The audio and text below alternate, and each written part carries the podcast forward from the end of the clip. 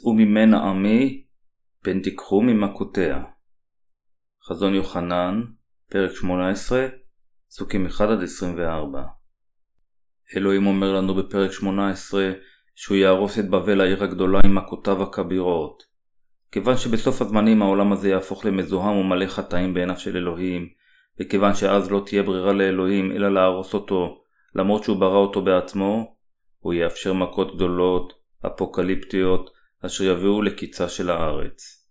לכן, העולם הזה ישכב בהריסותיו, עד אשר ייפול לגמרי. הסיבה הממשית לכך שאלוהים יהרוס את העולם, היא כיוון שהוא ראה את דמם של נביאיו וקדושיו, וגם מכיוון שעולם זה יבצע יותר מדי חטאים גדולים עם כל הדברים אשר אלוהים נתן לו. אלוהים לא יוכל לשאת זאת יותר. הפלנטה היפה ביותר אשר אלוהים ברא היא כדור הארץ. זה כך, מכיוון שאלוהים בעצמו פעל על הארץ הזו במיוחד, וזה גם מכיוון שזהו המקום שתוכניותיו של אלוהים ועבודת ישועת החוטאים בישוע המשיח בוצעו. אף על פי כן, אלוהים תכנן כבר כיצד הוא יהרוס את העולם הזה, וכיצד מלכות המשיח תבוא. כאשר עולם זה יתמלא בכל סוגי הזוהמה, אלוהים יהרוס אותו באמצעות מלאכיו עם המכות של שבע קערות. לאחר מכן הוא יחדש את כל הדברים וישלוט עם קדושיו בעולמו החדש. העיר בבל הנופלת מלכי הארץ זנו עם דברי העולם ושקעו בתענוגות, וגם כל הסוחרים בהיותם עסוקים בלמכור ולקנות את כל הדברים שאלוהים נתן להם, איבדו את אלוהים ברדיפתם אחרי הבצע. אלוהים יהרוס כל דבר והכל.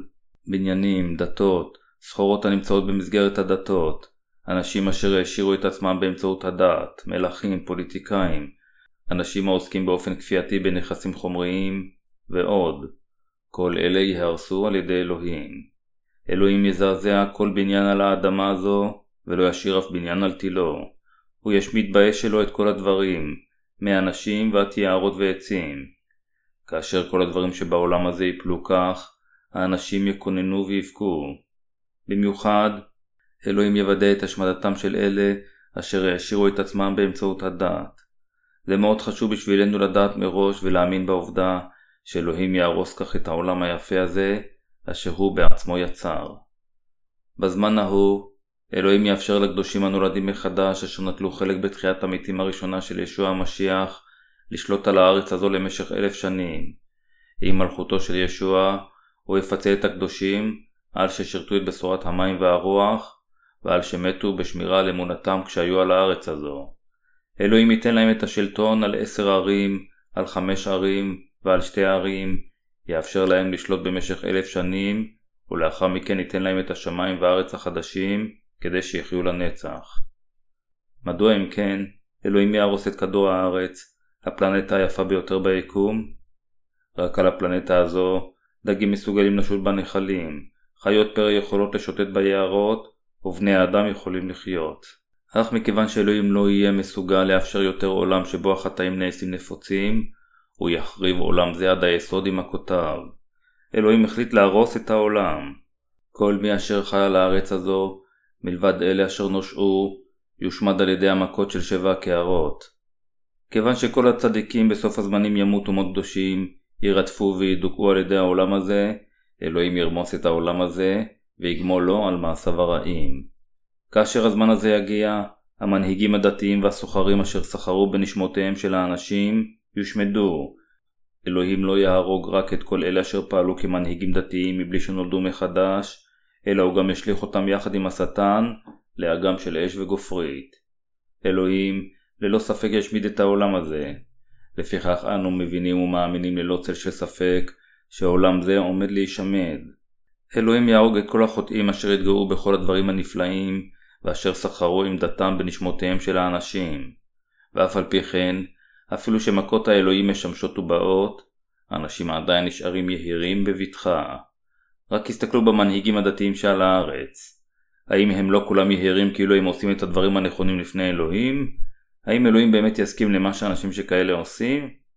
אם אלוהים אומר שהוא יהרוס את העולם הזה על חטאי האנשים, אנו חייבים להאמין בכך, כיוון שכל הדברים התרחשו בדיוק כפי שאלוהים אמר שהם יעשו, ואנו חייבים להגן על אמונתנו. אינני אומר זאת כמו עוד אחד ממנהיגי הכתות אשר יוצרים לעצמם דוקטרינה קטנה ומדברים על האפוקליפסה העתידה לבוא, אלא אני אומר זאת כיוון שאנו חייבים להאמין במה שאלוהים אמר לנו בכתובים, כלומר שאלוהים החי ללא ספק ישמיד את העולם הזה עם המכות הגדולות של שבע הקערות. אל לנו לשקוע בעולם זה אשר יושמד בקרוב. לפיכך, אל לנו לעסוק באופן כפייתי בצבירת נכסים חומריים של העולם הזה אשר יהרסו בקרוב. אנו חייבים להיות צבעי רצון במה שאלוהים נותן לנו ולהשתמש ולחלוק בהם כפי שאלוהים רוצה. הדברים החומריים של העולם צריכים להיות משומשים רק לשרת את אלוהים. אנו חייבים לחיות כמשרתים נאמנים אשר מסתדרים ממה שאלוהים נתן להם למען השמעת הבשורה. אל לנו להסתבך עם דברים חומריים של העולם כיוון שאנו מאמינים שאלוהים יהרוס את העולם הזה. אל לנו לשתות בעצמנו ולחשוב שהעושר והערך של העולם הזה יימשכו לעד. ביודענו שאלוהים ירמוס את כל המנהיגים הדתיים וגם את חסידיהם, אנו חייבים לחיות בהמתנה ליום חזרתו של ישוע. אם לא, סופנו שניפול לעולם הזה, עולם שבקרוב יושמד. לפיכך, כדי לא ליפול לעולם הזה העומד בפני השמדתו, אנו חיים באמונה שהפלנטה הזו של כדור הארץ אכן תיהרס. אלוהים חי ברגע זה ממש, וכאשר הזמן יגיע, הוא יבצע את כל מה שהוא הבטיח. למרות שזה נכון שמתוך הנולדים מחדש יש כאלה אשר אמונתם אינם בשלה עדיין, אף על פי כן אנו כולנו חייבים להאמין ללא ספק ולהתעורר שוב. אסור לנו לאבד את ליבנו לעולם הזה אשר יושמד בקרוב, אלא במקום זאת, לחיות את חיינו ולתת את אמונתנו הבטוחה והאיתנה בדבר האלוהים. ייתכן שליבנו לפעמים יהיה חלש, אך עדיין אנו חייבים לחיות עם אמונה חזקה. זה שאלוהים יעשה את כל הדברים האלה לעולם, זה דבר נפלא בשבילנו. אם אלוהים לא היה הורס את העולם הזה ולא היה בונה במקומו את המלכות החדשה של ישוע, צדיקים היו מתאכזבים קשות. זוהי הסיבה שתוכניתו של אלוהים היא כה נפלאה ונותנת תקווה לקדושים הצדיקים. אם הלא מאמינים היו נשארים ביהירותם, והיו חיים עדיין בשמחה כשהם על הארץ, ואף היו נכנסים לגן עדן לאחר מכן, זה היה כה לא הוגן בשבילנו, ולכן אלוהים לעולם לא יאפשר זאת. הבטחת האלוהים שהוא ידון וישמיד את כל אלה אשר רדפו את הצדיקים, עינו אותם עם השקרים שלהם, ושפכו את דם הקדושים, היא צודקת והוגנת. אם דין האלוהים לא היה על חוטאי העולם הזה, האם זה לא היה כה לא הוגן בשביל הצדיקים אשר חיו את כל חייהם בהתמדה למען ישוע למרות כל הקשיים והצרות שהם עמדו בפניהם? לכן זה פשוט הוגן שאלוהים ידון את העולם הזה. כאשר עולם זה יהפוך כמו העולם בזמנו של נוח, אלוהים ללא ספק יהפוך את כל העולם וישמידו. מכיוון שאנו מאמינים בישוע, איננו מקנאים כלל באנשי העולם. מכיוון שישוע אמר שהוא ישפוט את העולם הזה וישליך את השטן ואת אנטי כריסטוס וחסידיו לאש הגיהנום, אנו כולנו יכולים להתמיד ולחכות. על פי הנבואות של דבר האלוהים, עולם זה נמצא רגע מהשמדתו. ברחבי העולם ראינו כבר הרבה סימנים המעידים על המכות המשמשות ובאות של סוף הזמנים. מזג אוויר חריג, כמו תופעת אל ניניו, מחלות חדשות כמו מחלת הפרה המשוגעת, מזעזעות את העולם של היום.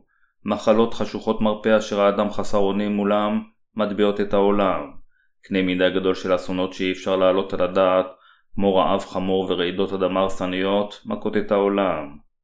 כאשר כל הדברים התרחשו, אנו חייבים להאמין שאלוהים קיים, ולחיות את חיינו ביודענו שאלוהים ידון ויפיל את כל אלה אשר חיו רק למען תשוקתם, רק בשביל לצבור אושר בעולם הזה. עולם זה מגזים יותר בתענוגות. אנשים יותר מדי עסוקים בלהתחתן, לשתות, לאכול ולבנות את בתיהם, מכדי לשים לב למצבם הרוחני. העולם של היום הוא עולם בו גבר מבצע חטא מיני עם גבר אחר, ולא מעט נשים מתעברות אחת לשנייה. אל הרומים, פרק 1, פסוק 27. האם העולם הוא לא כמו בזמנו של נוח? קרוב לוודא שאתם יודעים את האטימולוגיה של המילה מעשה סדום. כאשר סדום ועמורה הושמדו, תרבותם הייתה בדיוק כמו של העולם של היום שבו אנו חיים. עולם זה הפך לנשלט בידי שדים, כה מזוהם ומלא חטא בקנה מידה כזה, שאלוהים יוריד אש וישרוף אותו עד עפר. נביאי השקר יהרגו.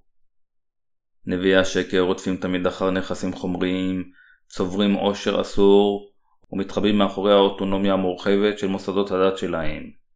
אם תאמינו בישוע תהיו עשירים, תחיו טוב, ומחלותיכם ירפאו. עליכם להבין שמאחורי כל שקר שכזה, תמיד נמצאת מטרה נסתרת של ניצול חומרי. גם בקוריאה, עבר הרבה זמן מאז שהנצרות איבדה את האמונה הבסיסית, והושחתה עם כל הכוחות המטורפים המשתוללים בשם ישוע. זוהי המציאות של הנצרות כיום. אך לנביאים, העומדים אמונה עם נכסיהם החומריים של העולם, ואשר עושים מעשה כישוב בשמו של אלוהים, דין הגיהנום הנורא של אלוהים, ומכות גדולות של שבע קערות, מחכות להם. אלוהים אומר לנו, שגם האנשים אשר מרמים את האנשים, וגם אלה אשר הולכו שולל על ידי נביאי השקר, יישפטו במידה שווה. אל לנו להסתכל לעבר העולם וללכת אחריו. במקום זאת, עלינו להאמין שמכיוון שאלוהים חי, אלה אשר לא מאמינים בישוע, מתייצבים נגדו ורוצים את הצדיקים, יישפטו וירושעו למוות נצחי.